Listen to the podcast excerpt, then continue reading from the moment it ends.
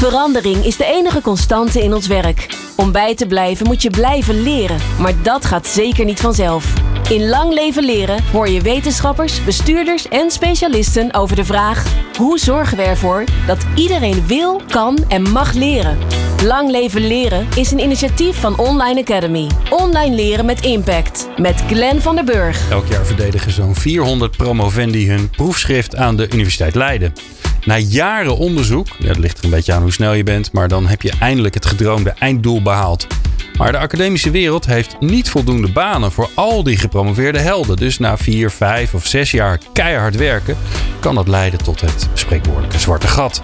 Welke verantwoordelijkheid neemt Universiteit Leiden daarin? Hoe pakken ze dat aan en wat zijn de resultaten? Nou, dat is een van de dingen die we gaan bespreken samen met Tom Bos van Online Academy als mijn co-host. En natuurlijk onze hoofdgast Monique Omens. Zij is hoofd Learning and Development bij de Universiteit Leiden. En dat is natuurlijk wel interessant. We hebben een, organisatie die heel veel van onze academici opleidt. eh, Studenten, maar ook promovendi. En, en zij is dan ver- vervolgens verantwoordelijk voor weer het opleiden voor de mensen die dat moeten doen. Nou, dat, dat lijkt me een heerlijke baan. Monique? Want ja, die, die willen natuurlijk allemaal, die, die, die kunnen het allemaal. Dus volgens mij heb jij misschien wel de makkelijkste baan ter wereld. Ja, dat zou je denken. Hè? nou, laat ik vooropstellen, het is inderdaad een heerlijke baan. Ik heb een fantastische baan. Maar het is niet zo dat ehm, eh, learning and development eh, eh, hè, dat, dat een gespreid bedje is voor dat wij een ges- een gespreid bedje aantreffen binnen de universiteit. Onze wetenschappers zijn natuurlijk elke dag bezig met het, het verwerven van kennis, met het ontwikkelen van kennis. En hè, hebben een heel hoog IQ. Ehm, maar het eh, ontwikkelen van vaardigheden, eh, eh, persoonlijke vaardigheden, gespreksvaardigheden, trainingen, dat, nou ja, dat vinden ze iets minder vanzelfsprekend.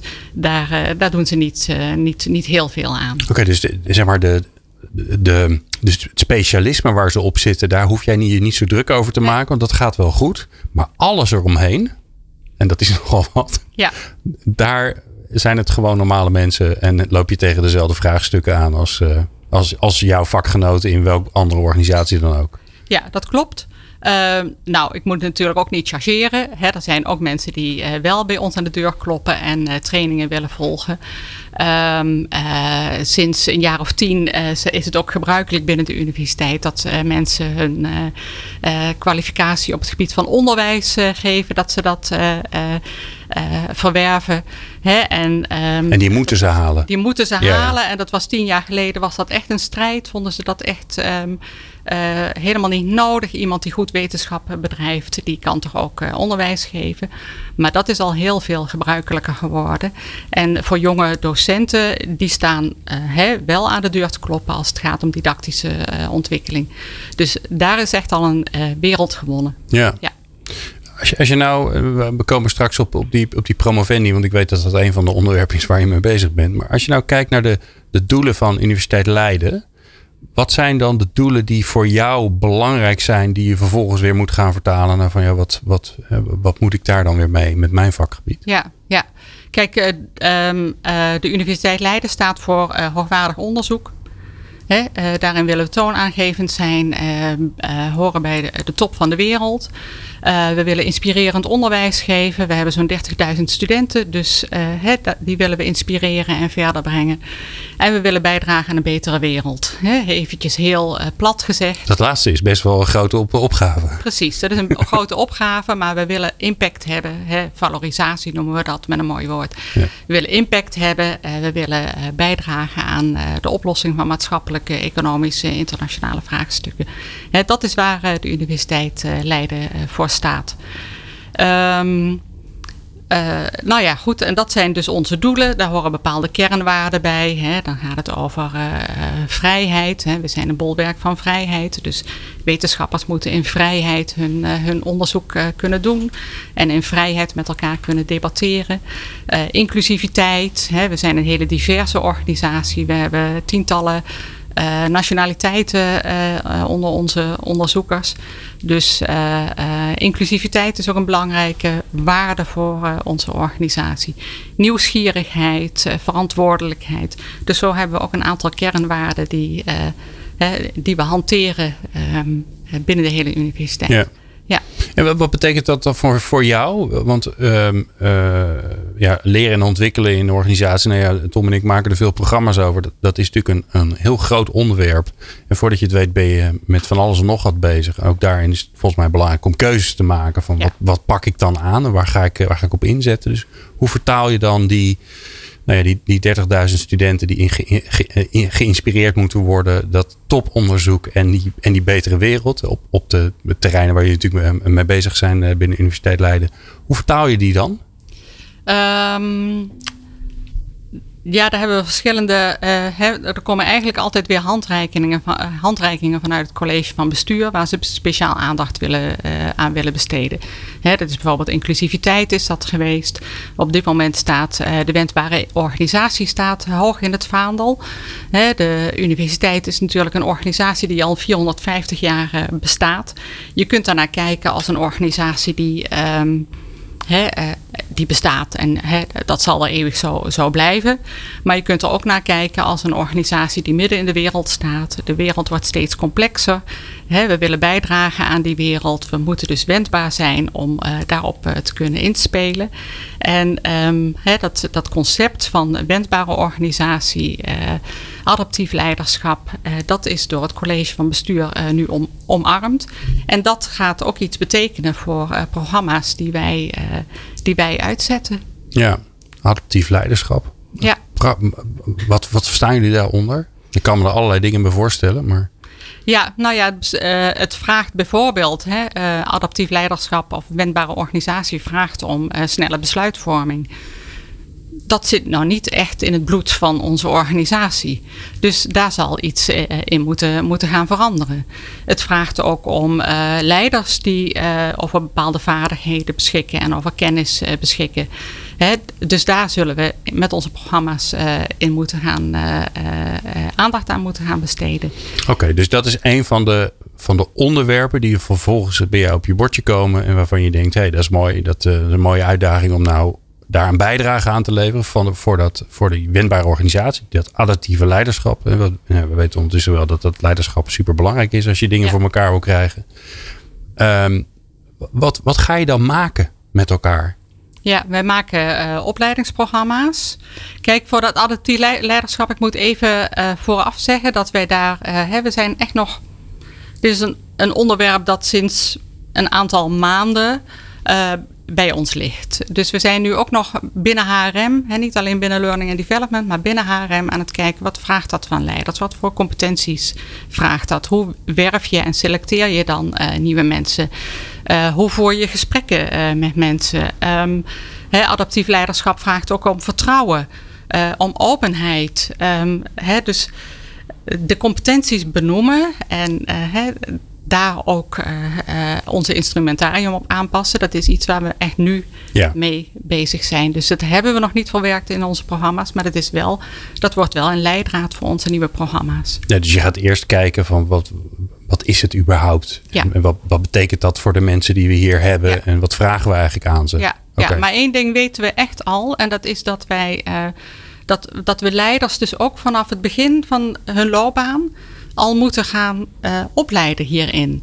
Hè, nu is het nog zo dat mensen vaak uh, uh, al jarenlang bij ons werken en pas dan trainingen op het gebied van gespreksvoering of leidinggeven gaan volgen. Maar we weten dat we straks graag willen dat mensen die al als universitair docent starten, dat die meteen al bij ons instromen in het programma en gaan ontdekken van wie ben ik, wat voor, uh, uh, hoe kom ik over bij anderen? hoe stuur ik kleine groepjes mensen aan? Hoe, welke vaardigheden heb ik daarvoor nodig? Dus we weten dat, is, al dat is al nogal een verandering. Of je, of je zeg maar, alleen de, de leidinggevende als de leidinggevende worden of zijn. Dat, dat je die gaat helpen in hun ontwikkeling met dat soort vaardigheden. Of dat je iedereen gelijk vanaf het begin af aan meeneemt. Ook een beetje een trend volgens mij, toch, Tom? Dat je de, de, dat die, die leiderschapskills, dat je die eigenlijk met iedereen meegeeft. Dat, de, de talentenprogramma's zijn ook een beetje aan het verdwijnen. We gaan iedereen ontwikkelen. Ja, dat heeft natuurlijk ook wel een beetje eh, te maken met de, de zeg maar de overgang naar een soort ja, samenwerkende teams. Hè. In, Scrum zie je dat heel veel bijvoorbeeld. Dat er niet echt meer sprake is van een leidinggevende. Dus moet iedereen dergelijke competenties in huis hebben. Maar ook los van, van Scrum zie je dat breder inderdaad wel.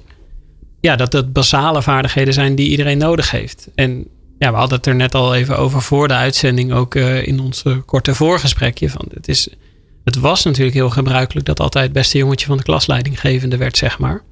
Op de inhoud dan, of het nou uh, wetenschappers zijn of uh, um, natuurkundigen of wat dan ook, zeg maar, die, die iets bijzonders doen. Of de, de, de beste programmeur of wat ja. dan ook.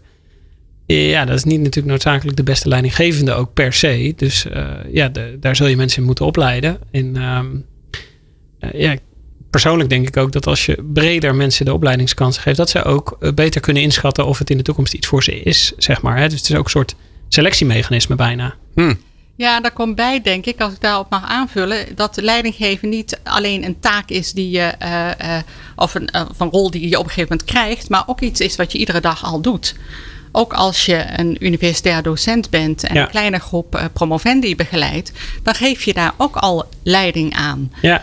Um, dus het is niet alleen dat de formele leidinggevende uh, leiding geeft, maar iedereen is daar in zijn werk mee bezig. Ja, je projecten en je leerlingen. En er zijn natuurlijk heel veel manieren waarop je inderdaad een soort leidinggevende rol hebt. Ja. Ja. Ja. Oké, dus dat is, dat, is dat, dat adaptieve leiderschap bij die winbare organisatie. Hè? Dat is een van de voortvloeisel eigenlijk vanuit die strategie of de, de, de missie van, uh, van de universiteit? Wat is, wat is een andere, andere uh, vraag die dan eigenlijk vanuit, uh, vanuit het college bij jou terechtkomt? Zeg van nou weet je, hier moeten we aan werken. Um, nou, een van de, van, van de onderwerpen die ook hoog in het vaandel staan bij de universiteit is inclusiviteit. Dus ook daar he, heb je bepaalde vaardigheden voor nodig hoe selecteer je uh, inclusief?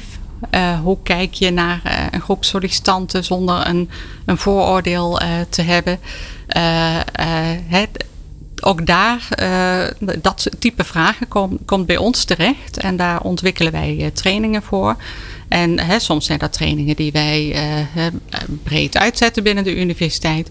En soms is het ook één faculteit die zegt van ik wil graag dat onze uh, mensen die in selectieteams uh, plaatsnemen, dat die uh, hierin getraind worden. Ja. En hoe maak je dan gebruik van de kennis die, die dan weer in de organisatie zit? Want er zijn ook mensen bij jullie die er, die er juist weer verstand van hebben. Ja, ja, en, en die weten hoe lastig het is. Ja, precies. En dat is echt een, een e-, enorm cadeautje als deze mensen opstaan en zeggen wij willen hierover uh, meedenken. En uh, hè, dat, dat is fantastisch natuurlijk als je dergelijke trainingen met je eigen mensen kunt ontwikkelen. Ja. ja.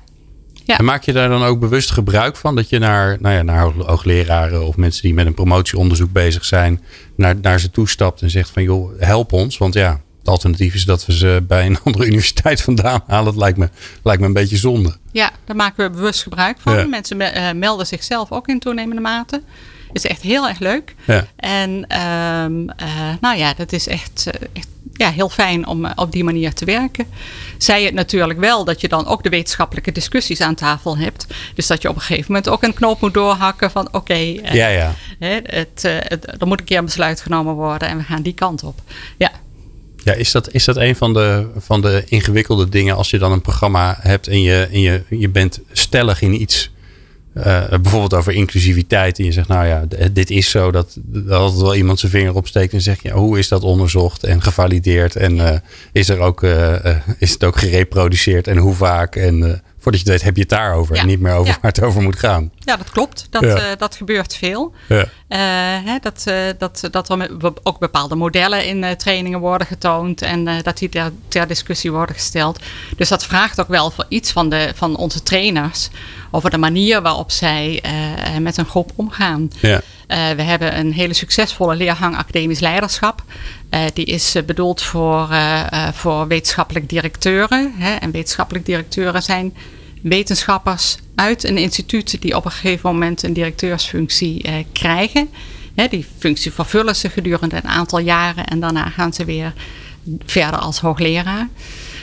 En die wetenschappelijke directeuren die volgen onze leergang academisch leiderschap.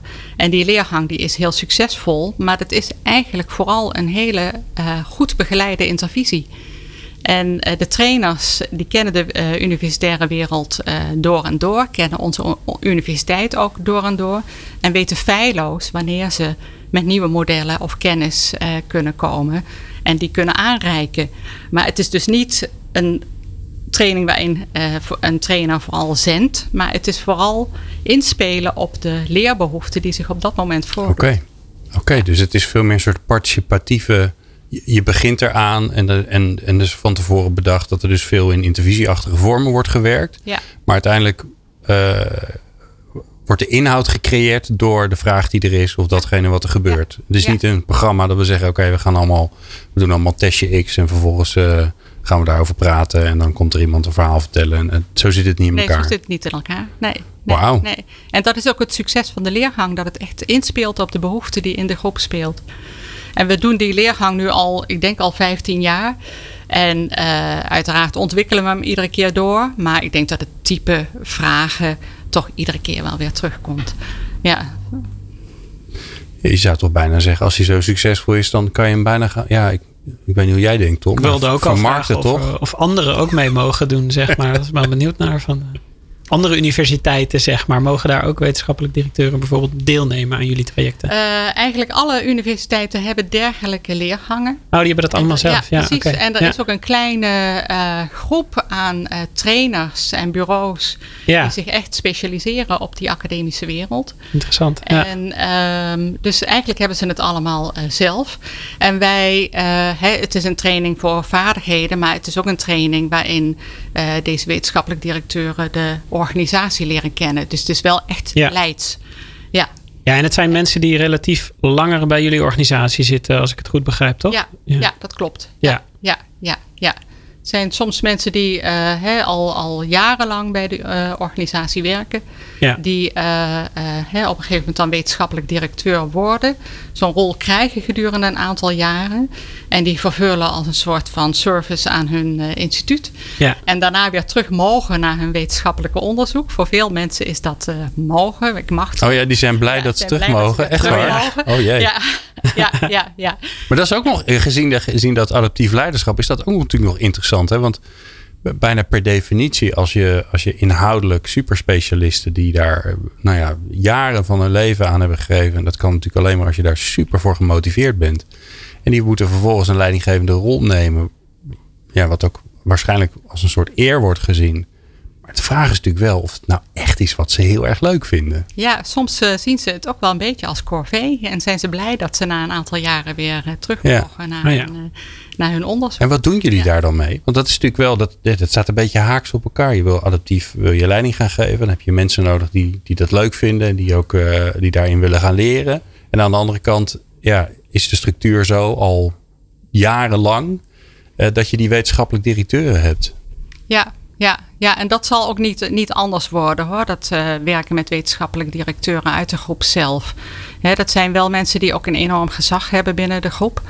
He, ook omdat ze weten wat er speelt binnen het instituut. Ze kennen het wetenschappelijke bedrijf, ze kennen het onderzoeksterrein en daar he, ontlenen ze veel gezag aan. Dus dat zal ook niet gaan uh, veranderen. Ja. Nee, en ik denk dat daardoor, daarom ook het zo belangrijk is dat wij. Uh, mensen die starten bij onze organisatie als universitair docent, dat wij hen ook al uh, leidinggevende uh, uh, trainingen mee gaan geven.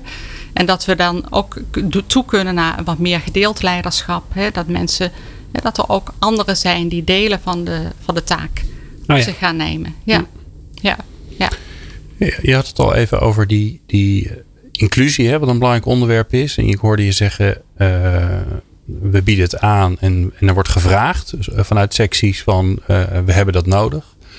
Hoe, zorg je nou, want inclusie is natuurlijk een, een, een, een, prachtig thema, ook wel een lastig thema. En je moet er maar toevallig, uh, moet maar toevallig op, op, je, op je agenda staan.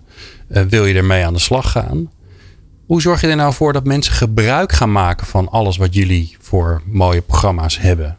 Want is daar nou ja, je noemde al even dat er enige dwang is bij, uh, bij, bij uh, uh, de lesgevende bevoegdheid die gehaald moet worden. Dus hoe hebben jullie dat georganiseerd? Ja, eigenlijk hebben we dat tot nu toe niet georganiseerd. Het, thema leiderschap is iets wat echt nu heel hoog op de agenda staat. Hè, waar het college van zegt van nou, dit is echt belangrijk. Ook de faculteitsbestuurders vinden het heel belangrijk dat, hè, dat, dat die, die trainingen dat die er komen en dat die gevolgd gaan worden. Um, dus dat zal echt een, een soort van zelfsprekendheid uh, moeten worden. Ik heb het altijd over de ontwikkeling van vrijblijvend naar vanzelfsprekend. Het zal een vanzelfsprekendheid moeten worden die, die gaat groeien. Dus we hebben het niet georganiseerd. Ik moet wel zeggen dat we onlangs een start hebben gemaakt. Of voor het eerst een, uh, een leergang voor startend leidinggevende hebben opengesteld. Daar kwamen 70 uh, aanmeldingen voor. En dat vond ik wel echt heel veelbelovend. Ja, dus ik denk ook dat die vanzelfsprekendheid er op een gegeven moment wel gaat komen. En dat, ja, ik mag niet, uh, geen onderscheid maken, maar dat zeker jonge wetenschappers het ook ontzettend leuk vinden mm. om dit te gaan doen. Ja, nee, maar dat blijft natuurlijk. Hè, wij, wij, hebben het er vaak over dat die dat oproepen van die, van die honger om te gaan leren. Nou ja, inhoudelijk uh, uh, hoef je daar niet zo heel veel aan te doen binnen de universiteit. Maar, maar qua vaardigheden en zeker als het, hè, als het gaat over leiderschap of, of, inclusiviteit. Dingen die misschien uh, ja, veel tijd kosten en jij ook weer afleiden van de inhoud waar je mee bezig bent. Ja, dat, je moet toch zorgen dat, dat dat in beweging komt. En bij, nou, ik hoor je eigenlijk zeggen, leiderschap is er zoveel aandacht van, van, de, uh, van het bestuur van, uh, van de universiteit. Dat gaat wel goed komen. Hoe doe je dat bij inclusiviteit? Is daar ook net zoveel aandacht vanuit het bestuur om dat onderwerp echt uh, ja, gewicht mee te geven? Ja, dat is wel zeker. Ja, ja, ja, dat is wel zeker. En ik denk dat hier ook wel speelt dat die wetenschappelijke teams waar, daar wordt heel veel in samengewerkt. Het oude beeld van de wetenschap is dat wetenschappers in een eentje in een laboratorium bezig zijn en een onderzoek doen en uh, hè, daarover publiceren. Maar uh, wetenschap is echt steeds meer teamwork geworden. Um, die teams zijn steeds diverser. Hè. Er zijn tientallen nationaliteiten vertegenwoordigd bij onze onderzoekers. Um, dus uh, de problemen van uh, diversiteit en inclusiviteit, of problemen, de, de uitdagingen, hè, van hoe zorg je nou dat iedereen gehoord wordt, dat dit iedereen aan bod komt, dat alle argumenten ook uh, even zwaar meetellen, ongeacht van wie ze afkomstig zijn. Dat punt, dat, dat doet zich ook voor op de werkvloer. Dus ik verwacht echt dat hè, dat, dat ook vanzelf wel gaat lopen. ja. ja. ja. Nou noemde ik in mijn introductie al even de 400 promovendi die elk jaar uh, uh, hun proefschrift verdedigen. Dat wil niet zeggen dat ik, terwijl ik dat teruglees, denk ik, dat wil niet zeggen dat ze ook allemaal succesvol zijn, maar dat zullen er niet heel veel minder zijn, neem ik aan. Nee. Want het duurt even voordat je mag verdedigen. Dan moet toch echt je, je begeleider vinden dat het oké is. Um, uh, er is niet voor allemaal plek in de academische wereld? Nee. Dat, is een, dat is een vraagstuk, want dat is wel waar je naartoe werkt. Um, niet bij, sorry, even voor de duidelijkheid, niet bij jullie of überhaupt niet in de academische wereld? Oh, überhaupt niet. Nee, nee oké, okay, helder. Nee, ja. Nee. Ja. ja, dus het is ook niet per se zo dat zij allemaal verhuizen naar andere universiteiten en daar. Nee, nee, nee okay. als je kijkt ja. gewoon naar de hele populatie van promovendi in Nederland, en ik, ik denk dat in Europa niet veel anders is, dan uh, zal zo'n 20% komt uiteindelijk ook in een wetenschappelijke loopbaan terecht. Oh, Ja. jee. En 80% uh, vindt een plek elders. De arbeidsmarkt voor deze groep is heel goed. He, ze komen echt uh, allemaal uh, ergens terecht. Ja. Ook echt op een goed niveau. Dat blijkt, blijkt ook uit onderzoeken van het CBS. Dus ze komen goed terecht, maar niet in de wetenschappelijke wereld. Ja. Hoe ga je daar dan mee om? Want ik kan me voorstellen dat als je daar zeg maar als promovendi achterkomt op het moment dat je uh, klaar bent en denkt ook ga eens even solliciteren, dan ben je aan, aan de late kant. Ja. Dus wat is, wat is jullie rol daarin? Ja, ja. Nou, we hebben een aantal jaren geleden geconstateerd dat dit echt een Dat het problematisch is voor deze groep zelf. Dat blijkt ook uit allerlei onderzoeken, uit uh, uh, monitors die wij doen uh, onder de promovendi. Dat blijkt ook uit externe onderzoeken. Dat er echt behoorlijk wat stress en, en, en, en onzekerheid is hierover. Uh, dus wij hebben op een gegeven moment bedacht dat wij een, uh, een opleidingsprogramma willen uh, ontwikkelen. Of dat hebben we inmiddels ontwikkeld voor alle promovendi. En dat moeten ze ook. Ze moeten daar ook. het is een soort keuzemenu en ze moeten daar ook gebruik van maken. En dat, is zijn, onderdeel van hun promoveren, is eigenlijk dat ze dit ook precies, doen. Precies, ja. En dat zijn opleidingen in transferable skills. Hè. Dat gaat van projectmatig werken. En dat wordt dan um, gedaan aan de hand van hun eigen onderzoek. Je hebt vier jaar, uh, je hebt nu nul. En hoe kom je in vier jaar naar een proefschrift? Uh, maar dat gaat ook over academisch schrijven of over presentatietechnieken of over netwerken. En een heel belangrijk onderdeel daarvan is ook dat ze een gesprek hebben met een loopbaancoach. We hebben binnen ons team drie uh, loopbaancoaches. En dat ze um, begeleid worden hè, met een, een online platform, loopbaanplatform hebben we. dat ze, en ze volgen cursussen en dat ze echt begeleid worden in de vraag van uh, wie ben ik, wat kan ik. Hè? En dan komen ze tot de ontdekking dat ze veel meer kunnen dan als ze alleen dat kleine onderzoeksterrein waar ze mee bezig zijn. En hoe kan ik dat nou gebruiken uh, in mijn loopbaan en uh, wat is voor mij de volgende stap? Mooi. Ja, ja. jij zei net dat ze er mogelijk stress van ervaren, zeg maar. Hè? Even terug, je zei daarvoor. De, de baankansen voor hun zijn eigenlijk hartstikke goed. Ja. Hè? Ze komen allemaal aan de bak. Waar, waar hebben ze dan precies stress van? Nou, kijk, die ontdekking van ik kan meer dan mijn eigen onderzoek. Ja, ja, ja. Dat is vaak al een enorme eye-opener voor ze. Ja, dus ze weten gewoon niet zo goed wat eraan nee, zit te komen, nee, zeg maar. Nee, ze zijn okay. zich er niet van bewust. Ja. En um, he, door, door testjes te doen en he, door gesprekken met loopbaanadviseurs, maar he, en ook door gesprekken met toekomstige werkgevers, komen ja. ze erachter dat ze eigenlijk veel meer kunnen dan hun uh, eigen onderzoek. En dat is een mooie ontdekking. Ja. Ja. Ja. En hoe ga je dan om? Hè? Want, uh, ik heb wat mensen in mijn omgeving die zijn gepromoveerd. En die, het, het, vereist soms ook een beetje een soort tunnelvisie om je echt te focussen op dat onderzoek. Ja. Daar gaat natuurlijk heel veel tijd en energie in zitten. Jullie maken die wereld eigenlijk groter. Uh, voordat je klaar bent. Wat natuurlijk heel mooi is, want dan, dan heb je niet die stress van: oh, ik kan alleen maar dit. Um, uh, wat, maar aan de andere kant denk ik, ja, gaat, leidt dat dan niet toe dat iemand uh, die gaat leuk met een werkgever praten. En die werkgever zegt van, oh jij doet interessant onderzoek zeg. Ik kan je morgen wel gebruiken. Kom lekker bij me werken. En, en vervolgens gaan mensen helemaal niet promoveren. Die gaan gewoon ergens anders werken. Zie je dat gebeuren of is, dat, is mijn angst onterecht? Nou, het is wel een vrees die ook bestaat bij, zeker bij supervisors, hè, bij begeleiders van, uh, ja. van, van deze promovendi. Niet bij ze allemaal natuurlijk, maar hè, dat, dat is wel soms een vrees die er uh, bestaat. Maar in de praktijk uh, werkt het alleen maar ook heel goed. Want supervisors voelen zich vaak ook verantwoordelijk voor die toekomst van hun promovendus.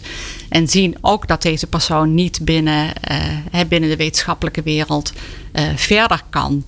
Dus in de praktijk werkt het eigenlijk wel heel goed. Maar inderdaad, het is een dilemma van blijf je je helemaal focussen op dat onderzoek totdat jij na vier jaar dat proefschrift uh, uh, verdedigt. En ga je daarna uh, je oriënteren op de arbeidsmarkt, dan ben je wat laat. Maar als je daar eerder mee begint, ja, dan kan het ook een beetje afleiden. Ja. ja. Ja, maar ik denk dat uiteindelijk het mes aan twee kanten snijdt. Dat zowel de promovendi hier echt baat bij hebben, als ook dat het voor de organisatie, hè, dat we hier meer voldoen aan de verantwoordelijkheid die we hebben voor deze groep. Maar ook dat we uh, hierdoor ook aantrekkelijk blijven voor, uh, voor, voor toekomstige promovendi. Ja. ja. Hoe lang doen jullie dat nu? Dit programma bestaat al een jaar of tien, denk ik. En okay. sinds drie, vier jaar is het echt verplicht voor uh, promovendi om daaraan mee te doen. Ja. Zijn, zijn jullie daar uniek in? Weet je dat? Nou, we zijn niet helemaal uniek. Andere universiteiten hebben ook wel, wel iets. Ja, ja, maar niet, lang niet allemaal. Tom, je, je zou toch. Het eerste wat ik gelijk denk is: het is prachtig. Maar dit moet je eigenlijk bij alle studenten doen. Ook bij je bachelor- en je masterstudenten. Gewoon, Zeker. Gewoon, hup, die loopbaancoaching erbij. En, uh... ja, je ziet natuurlijk veel. En dat is met name, denk ik, in de academische wereld een, een, een, een uitdaging om op te lossen. Je, je leert uh, veel op het gebied van onderzoek doen, natuurlijk, zeg maar. Je bent heel erg in tunnelvisie bezig met één groot doel. En dat is denk ik niet alleen als je gaat promoveren, maar ook al in een soort light vorm als je je master op een universiteit gaat halen, zeg maar. Ja. En uh, ja, als je dan vervolgens in het bedrijfsleven aan de gang moet en niet een research job krijgt, zeg maar, dan is de overgang best groot. En dat is inderdaad niet alleen uh, voor promovendi ding. Ja, goed, dat zal ook op, uh, op bachelorniveau misschien wel zo zijn dat, de, dat de, de transitie best aanwezig is. Daar zie je ook dat zeg maar de eindtermen van opleidingen natuurlijk eigenlijk ook steeds dichter bij de werkpraktijk moeten komen te liggen. Om te zorgen dat als je afgestudeerd bent, dat je niet alleen zeg maar eh, verstand hebt van de inhoud van je vak. Want die, die veroudert natuurlijk ook Ja, langzamerhand steeds sneller. Dat is een van de kernproblemen waar we het in deze reeks over hebben. Ja. Maar ja, de, het tweede probleem is ook van eh, je moet ook wel dan leren een soort van aansluiting te vinden bij eh, ja, de eh, nieuwe inslag van jouw werk. Eigenlijk veel praktischere kijk op, op het onderwerp of op het doen van onderzoek. Ja. En nou, Ja. nou zijn, nou zijn Ja. natuurlijk de, de, de, de bachelor- en masterstudenten niet bij jullie in dienst. Hè? Dus dat, dat is niet jouw Nee, verantwoordelijkheid, Nee, kan ik me voorstellen. eh, we hebben een aantal jaar geleden een nieuwe visie op onderwijs eh, eh, gelanceerd. En daar zit arbeidsmarktvoorbereiding en ook vaardigheden zit echt in die visie. Dus eigenlijk alle opleidingen Mooi, zijn ja. nu bezig om, eh, hè, om dat ook te integreren in het reguliere onderwijs. Ja. Ja, Je zit er wel heel breed hoor. Dat daar, eh, dat daar veel op, eh, eh, met name natuurlijk, eh, de MBO-niveau is al vrij praktisch natuurlijk. Maar HBO en, en universitair niveau zie je veel beweging daarin. Dat er ook soft skills aangeboden worden tijdens opleidingen. Veel meer aanverwante vaardigheden Ja. inderdaad. Om Ja. te zorgen dat je ook een zachte landing Ja. maakt daarna. Ja. Waarom, misschien een beetje een soort gewetensvraag. Waarom doen jullie dit? Want uiteindelijk, jullie zorgen ervoor dat iemand eh, eh, kan promoveren. Eh, niet de best betaalde job ter wereld. Hè? Het is ook een soort van roeping. Ehm, eh, die mensen komen allemaal goed terecht uiteindelijk. Waarom neem je dan toch de verantwoordelijkheid om, ze, om, om extra geld uit te geven? Want je gaat een heel programma daarnaast maken. Wat is dat? Wa- Waarom, waarom past dat bij jullie? Ja, ik denk dat het echt- gaat om een gevoel van verantwoordelijkheid voor deze, deze groep onderzoekers. Ook om hen, ehm, het, het werkt natuurlijk ook zo dat als je eh, eh, gerustgesteld bent en weet dat je ondersteund wordt in je loopbaanoriëntatie hè, en in je vaardigheidenontwikkeling, hè, dat je ook je onderzoek beter, eh, beter doet. Hè, dus ehm, ik ja, denk dat dit natuurlijk op zich al genoeg stress van het onderzoek zelf, kan ik me voorstellen. Ja. Ja, ja, Ja. dus ik denk dat het, me, het mes Leidt echt aan af. twee, eh, twee Ja. kanten snijdt. Dat, dat promovendi er blij van worden. En eh, hè, dat die het eh, leuker vinden bij de universiteit. Ook leuk vinden natuurlijk om opleidingen te volgen samen met, met collega promovendi. Ehm, en het is voor de universiteit ook goed. En voor de hoogleraren ook een geruststelling. Dat, hun, hè, dat zij niet de enige zijn die zich bekommeren om Ja. de loopbaan van hun promovendi. Ja, dat ze goed terechtkomen. ja. Ja. Waar zit jij nog mee? Wat, wat vind jij nou op jouw vakgebied, waar je, iets waar je mee worstelt, waar je denkt, ja, dat vind ik echt een lastig vraagstuk. Daar blijf ik toch een beetje tegenaan lopen. Anders Ehm, denkt iedereen dat je alles super. Nou, je hebt alles goed voor elkaar, maar dat het allemaal. Nou, dat. eh, nee, nee, nee. ja, kijk, we hebben het natu- natuurlijk al gehad over eh, hè, hoe verleid je mensen, hoe, hoe, hoe creëer je die honger naar opleiden. Dat is voor ons echt wel een vraagstuk. Hè, eh, het feit dat we nu eh, eh, dat er een leuke, leuke belangstelling is voor onze training startend leidinggevende. dat, dat is prima, maar dat, dit is nog maar het, het begin. begin, hè. ja, ja. Het creëren van honger naar leren, dat is eigenlijk wel hè, een collega van mij die echt met, met deze programma's ook bezig is. Die noemt dat ook zelf ook iedere keer. Van we moeten honger creëren naar leren. Dat is echt iets wat we. eh, eh, hè, wat, wat, wat, wat een vraagstuk is. Ja, Ja. ja. Heb ja. jij een indruk wat je medewerkers zeggen als je ze nu zou vragen van wat wil je, wat wil je leren de komende, nou laten we het eens eh, overdreven doen, 50 jaar? 40? Dan houden we het bij je werkcarrière nog even. Maar zeg maar, is, eh, schrikken ze van zo'n vraag? Of hebben ze, zeggen ze meteen, nou eh, deze 80 dingen? Eh, mijn eigen, de medewerkers, de mensen in mijn team of mensen Nou, in de organisatie? de medewerkers van, van jullie organisatie. van onze ja. organisatie. Ehm, ik denk zeker dat de, de jonge medewerkers hè, die, die instromen in de organisatie, die willen dit. Dat dat, dat eh, persoonlijk leiderschap, eh, leiderschap eh, aan anderen, die vinden dat echt heel belangrijk. Open gesprekken kunnen voeren. eh, hè, ehm, niet terugschrikken om als, als een hotemethode iets zegt, maar daar, hè, daarmee, hè, daarmee Ja. daarop in durven spelen. Ik denk dat zeker de, de jonge medewerkers dat echt heel erg belangrijk vinden. Ja, ja. Nou, goede vraag, eh, Tom. Ik ga natuurlijk zelf ook nadenken. De komende 50 jaar. Ja. Ik denk wel 100 als ik. Dat, ja, misschien red ik het. Kan toch? Maar ik vind het wel een mooie, mooie vraag. En die zou je eigenlijk gewoon... Uh, ja, die zit natuurlijk vaak wel in die, in die, in die performance cyclus. Dat er weer, wat wil je het komende jaar? Maar ja. op een of andere manier valt die anders nu. Ja, dat is een, uh, maar dat is ook een hele andere vraag natuurlijk. Ja. Uh, ik overdrijf bewust een beetje. Omdat het natuurlijk, als we het hebben over een leven lang leren... gaat het om je leven lang, zeg maar. Is, het is ook breder dan misschien de universiteit. Breder dan misschien je huidige werk of wat dan ook, zeg maar. Gaat het erom van niet eens van weet je er antwoord op. Maar ik denk dat je al heel veel kan horen aan hoe iemand reageert als je de vraag stelt. Uh, hoe ze in de wedstrijd zitten, zeg maar. Ze, ja. Gaan ze ervan glunderen? Zo van, oh wow, ik kan, ik, ik kan heel veel gaan doen. Ja. Ik vraag het wel eens aan iemand en, en dan zie je een, een, een, van oor tot oor. Zo van, uh, oh wow, heb ik dan... Uh, ja, ik heb eigenlijk veel tijd en ik kan van alles leren. En ik word enthousiast. En andere mensen zeggen, ja, pff, weet ik niet. nou... Die schrikken misschien een beetje van de, misschien van, niks. van de ja. horizon. Ja, ja, ja. Ja. Ja. Ja. ja. Nou, laten we, eens, we, we gaan hem eens aan dat- Monique stellen. Wat denk je daarvan? Monique, hoe, hoe, wanneer, eh, wanneer ben jij van plan je werkende leven te stoppen? Misschien wel nooit. Ongeveer. Hoeveel nou, jaar? Dan weten we namelijk de zal- horizon. Precies, dat zal een jaar of tien zijn. Jaar Ja, of tien. Ja. Oké, nou ja. dan doen we er nog vijf jaar bij op. Ja. Dus, Ja. dus Ja. eh, wat wil jij de komende 15 jaar? Wat wil je de komende 15 jaar gaan leren?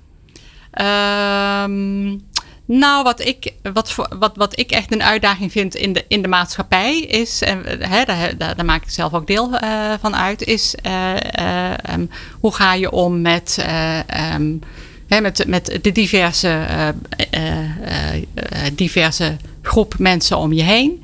Ehm, wij zijn een. als, als universiteit weliswaar een hele diverse in universiteit. In de zin dat we een brede groep nationaliteiten onder ons hebben. Maar we zijn ook nog wel een hele witte organisatie. Dat zal in de komende jaren zeker gaan veranderen. En hoe ga je dan met inclusiviteit om? Eh, Ja. Hoe ga je om met mensen uit andere culturen? Ehm, dat, dat vind ik echt een vraagstuk eh, waar ik me graag in zou willen ontwikkelen. Ja. ja, ja, en dat vind ik echt een heel belangrijk vraagstuk in onze maatschappij. Ja, nou Ja. was het glunderen? Ik heb, eh, ja, hè? dit was glunderen. met, eh, ja, precies. Ja. Ja, Ja. Eerst, even, eerst Ja. even diep nadenken. Ja. En, ja, en dat daarna hoort ook bij mensen uit de academische wereld. Dat is wel hè, dus ze zullen Niet ook niet zo heel direct een Nee. antwoord geven. Nee. Nee, precies. Maar Ja. zien wat er gebeurt is al heel, eh, is Ja. al heel wat. Ja. Ja. Ja, mooie vraag, Tom. Misschien moeten we die gewoon elke keer stellen aan al Kan. onze gasten. Ja. Is dat een Kan. idee? ja, moeten we ook even de vorige gasten terugbellen, denk ik nog. Om, eh, Jeetje. om Ja, dat te vragen. ja dat dat doen we dan volgende vakantie. Monique, ik schreef nog mee over die vraag. eh, want jij zei straks ook al, eh, je, je stipt de cultuur al een aantal keer aan, zeg maar even. Maar ik dacht even los van diversiteit. Passen jullie je opleidingstrajecten erop aan? Zeg maar, ja, voor jullie is het een tweede natuur misschien dat er multiculturele groepen zijn. Maar de- voor heel veel Hollandse organisaties met allemaal Hollandse medewerkers is het, eh, zijn de trainingsprogramma's natuurlijk best wel Nederlands. Ja. Wij zijn best wel. Ik ben bijvoorbeeld zelf eh, eh, wel redelijk actief geweest in België en in eh, eh, andere landen. En dan zie België, de, de- daar zien vaardigheidstrainingen er heel anders uit, zeg maar. De- passen jullie programma's daarop aan? Of hoe werkt dat bij jullie? Ehm, ik denk niet dat we onze programma's er per se op aanpassen. Maar ik weet wel dat de trainers zich daar heel erg op Ja, aanpassen. Ja, Oh ja, ja. ja, ja. Kijk, al een heel simpel is het dat alle promovendi trainingen in het Engels eh, zijn. Ja, Ehm, maar ik weet dat de trainers ook eh, van tevoren graag willen weten natuurlijk wie deelnemers zijn, maar ook waar ze vandaan komen. En eh, goed kijken eh, hoe ze iedereen aan boord kunnen krijgen en iedereen in beweging kunnen krijgen in een training. Ja. ja. Ja, ja kijk, het klassieke voorbeeld is natuurlijk iemand, eh, dat, dat eh, promovendi van, wat, van Aziatische afkomst wat bescheidener zijn in een groep. Ja. Dus hoe krijgen we, eh, hè, hoe, hoe krijg je ook hen aan boord? En eh, ja, Ja. veel implicietere communicatie Ja, natuurlijk. Wat ja. met feedback geven bijvoorbeeld meteen wel een dingetje is. eh, Ja. ja. ja, Oh, ja, ja. ja. Hm. Interessant. Monique, we zijn bij de laatste vraag aanbeland.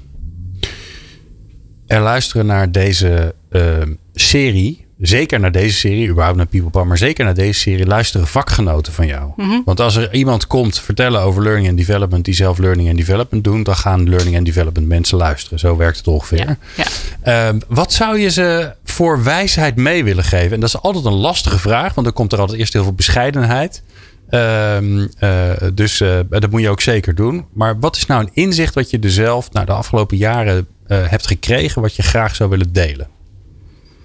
Ja, ik denk dat een heel belangrijk inzicht is. En uh, ik moet je zeggen dat een, ik heb zelf ooit bij CEO een leergang verandermanagement uh, gevolgd.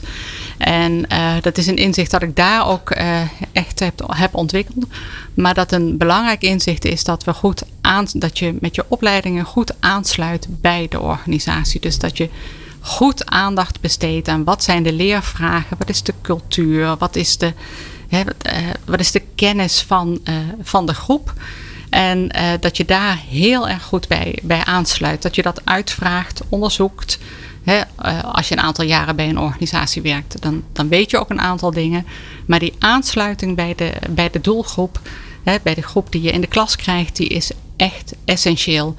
En het voorwerk dat je daarvoor uh, moet, moet doen, is vaak uh, omvangrijk. Een aantal mensen spreken, uh, leervragen uitvragen, ook trainers daarin, daarop selecteren, maar daar ook in meenemen. Het voorwerk is omvangrijk, maar het verdient zich ruimschoots terug. Mooi. Ja. Dankjewel. Monique Omers, hoofd Learning and Development bij Universiteit Leiden.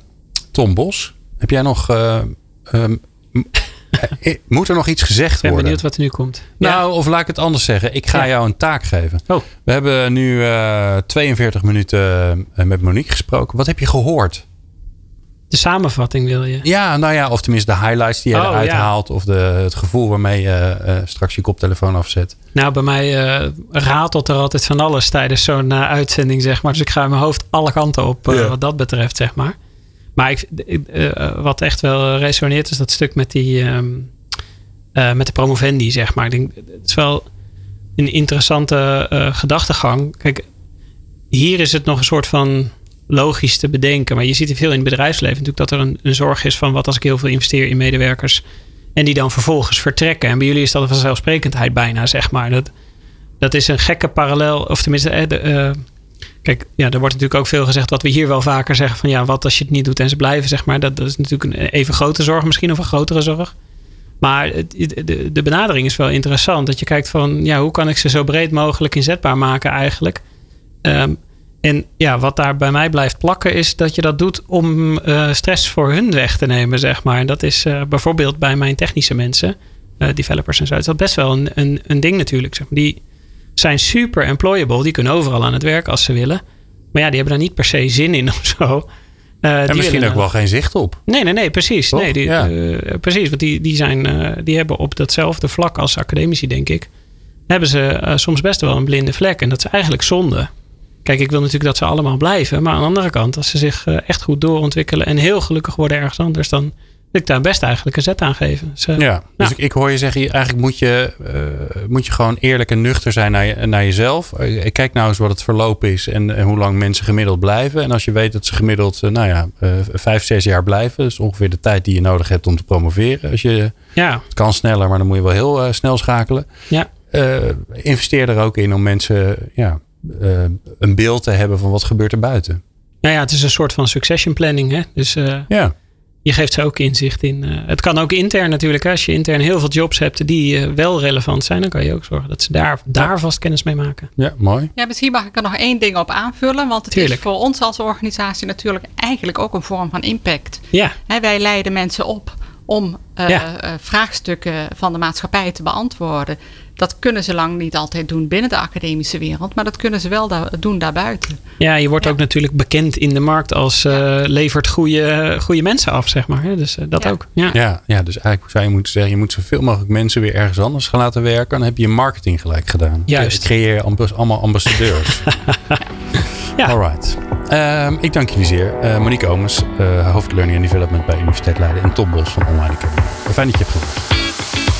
Bedankt voor het luisteren naar Lang Leven Leren, een initiatief van Online Academy. Meer afleveringen vind je in jouw favoriete podcast-app.